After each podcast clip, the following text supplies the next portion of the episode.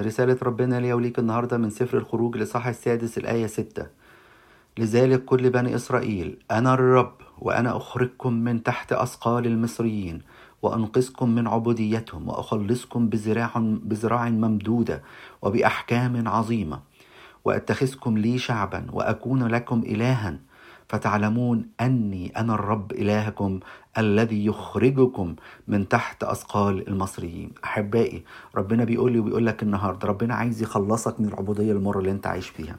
ربنا عايز يخلصك من الخطية اللي مستعبداك اللي بتقول مش ممكن أقدر إزاي أفلت من الخطية دي؟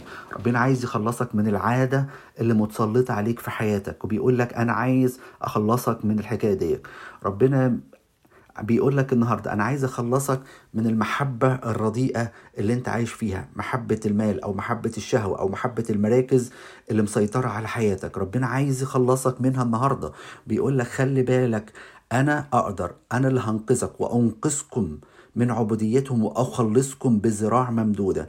أوعى تبص لضعفك بص لقوة ربنا. ربنا عايز يخلصك النهارده فمن فضلك لو عندك النهارده عادة أو خطية محبوبة ومسيطره عليك سواء شرب خمر أو شرب سجاير أو مخدرات أو أي حاجة اوعى تقول مش هينفع حطها النهارده قدام ربنا وقول له يا رب زي ما خلصت الشعب من عبودية فرعون خلصني أنا كمان يا رب من العبودية ديك وخلصني من الأثقال بتاعه الخطية ديك والعادة المسيطرة عليها. يمكن الناس كلها بيقولوا ما فيش فايدة فلان ده مش هيتغير أو العادة دي عمرها صعب جدا زي الإدمان والأمور دي لكن النهارده ربنا بيقول لك وبيوعدك أنا أقدر أخلصك من العبودية دي.